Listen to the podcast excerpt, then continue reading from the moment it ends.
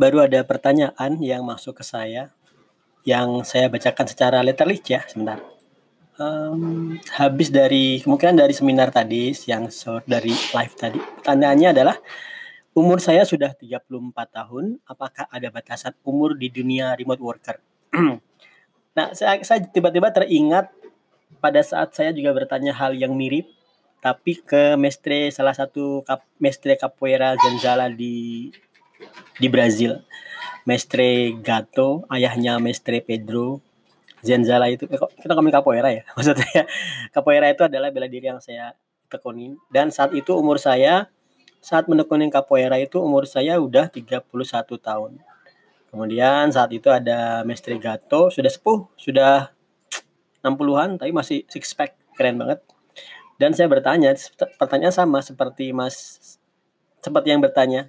Uh, yang itu kalau kalau Masnya bertanya jika saya 34 tahun, apakah ada batasan umur di dunia remote work? Nah, pertanyaan saya adalah saat itu ke Mestre Gato, uh, Mestre saya sudah 31 tahun, apakah saya bisa mempelajari capoeira? Oke, jawaban saya dengan jawaban Malaysia akan saya gabungkan. Pertama, jawaban saya adalah seperti jawaban Mestre, kita yang memulai sesuatu di usia yang lebih tua itu secara energi jelas tidak bisa disamakan dengan yang masih muda. Itu jelas. Sebenarnya saat dulu saya masih usia-usia awal tujuh awal awal belasan ya, awal 20-an gitu, saya sering mikir, masa sih orang tua itu badannya nanti melemah atau gimana? Buktinya saya setiap hari kuat-kuat aja. Tapi percayalah teman-teman, saya udah 40. Dan saat saya berumur awal-awal 20 saya saat saya bertanya seperti itu saya nggak percaya bahwa orang itu bisa menua dan tubuh tubuh bisa berubah ternyata iya sekarang dengkul saya itu kalau nggak kalau dipakai nekuk sedikit itu udah mulai cenut-cenut dan kalau saya nggak supply dengan uh, kolang kaling tiap hari itu akan kerasa banget jadi pertama untuk usia yang sudah tua lebih tua dari teman-teman yang mulai dari 20-an memang kita kalah dalam hal uh, fisik. Kita kalah dalam hal fisik, itu jelas. Tapi seperti yang disampaikan oleh Mestre Gato juga dan juga yang akan saya sampaikan sekarang, kita punya dua keunggulan yang berbeda dari mereka yang masih muda. Pertama, kita lebih bijak. Kita lebih punya pemikiran yang lebih bijak dan kita juga lebih bertanggung jawab. Itu jelas. Tiga hal berarti ya. Dua hal. Lebih bijak dan lebih bertanggung jawab. Teman-teman yang muda misalnya, dia mungkin semangat, semangat dan juga punya fisik yang kuat. Tapi dalam hal kebijakan dan ketanggung-jawaban mereka nggak akan sebijak dan sebertanggung jawab orang yang sudah mengenyam usia lebih jauh daripada yang lainnya. Ini perkara yang penting. Misalnya, saat saya katakan kalau kamu upgrade skill minimal kamu harus dua jam per hari, kemungkinan orang yang muda cuma sekedar semangat-semangat di awal loh ya.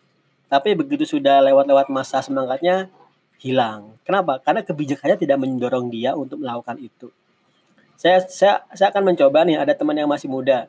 Sudah siap push kelihatan hasilnya. Siapa yang ngecek berapa lama kalian bisa bertahan untuk konsisten upgrade skill? Beda dengan yang sudah tua. Bed yang sudah berumur itu dia akan punya lebih tanggung jawab sehingga saat dia berpikir untuk upgrade skill itu dengan kematangan, tidak sekedar lewat hormon ya. Tidak lewat dorongan hormon estrogen atau hormon-hormon lainnya yang ngebuat dia melakukan sesuatu, tapi melakukannya lewat keputusan yang bijak. Nah, karena lewat keputusan yang bijak, saat dia melakukan upgrade skill secara berkala yang merupakan uh, syarat untuk menembus remote work, maka kebijakannya akan membuat dia bertanggung jawab dan tidak akan berhenti sampai goal dari remote worknya tercapai. Oke, nah dalam hal konteks ini berarti usia muda dan usia tua dalam hal upgrade skill punya plus minus masing-masing. Dan yang sudah tua don't worry. Saya juga ada 40 tapi sekarang saya sedang mempelajari teknologi yang baru dan itu menyenangkan banget dan seru-seru banget. Nah cuma kekurangannya gini. Yang masih muda itu kemungkinan usianya usia mahasiswa ya. Ini nanti saya sampaikan ke Mas Raha deh Mas Raha dan Mas Rifai dari UIN kalian masih muda nih aku sampaikan dua orang ini aja kalian masih muda dibiayai kuliah dibayarin nggak perlu mikir angsuran asuransi BPJS uang listrik, uang kos-kosan, tenang aja, semua dibayarin sama orang tua. Oke, jadi kamu tinggal apa? Kamu nggak punya tanggung jawab lain kecuali satu aja, belajar.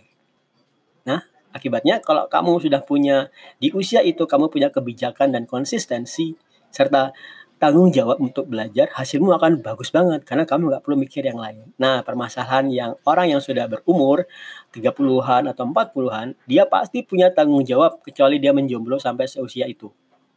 Oke. Okay?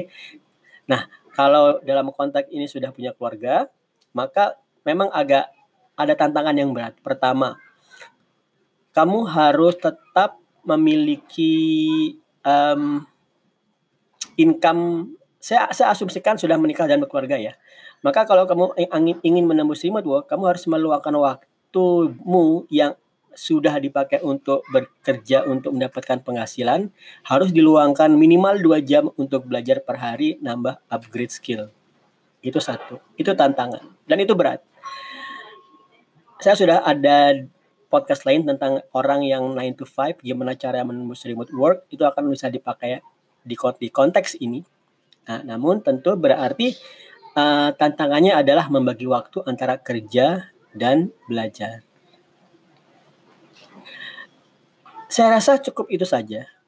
Bahwasanya untuk kamu yang masih sudah berusia lebih, untuk menembus remote work, jika kamu punya tanggung jawab keluarga, maka kamu tantanganmu adalah menyisihkan waktu belajar di luar ruang kerjamu. Namun kita punya kebijakan dan punya tanggung jawab pemahaman yang lebih tentang kehidupan sehingga kita bisa lebih bagus dalam mempelajari cara menembus remote work. Yang muda ditanggung orang tua, masih punya fisik yang lebih bagus, tapi biasanya kalian tuh reckless. Reckless itu suka-sukanya aja. Dikasih tahu A nggak percaya, tabrak aja bis. Setelah 10 tahun, oh iya bener dulu Pak Eko. Iya. Oke, itu aja. Semoga bermanfaat. Thank you. Satu tambahan lagi, kalau kamu bertanya, kalau usia saya sudah 40, 50, kemudian saya apply job di Upwork, itu bermasalah nggak?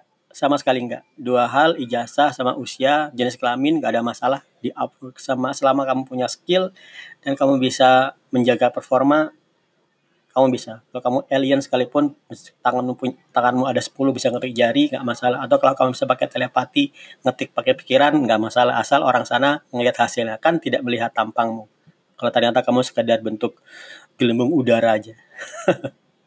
Thank you.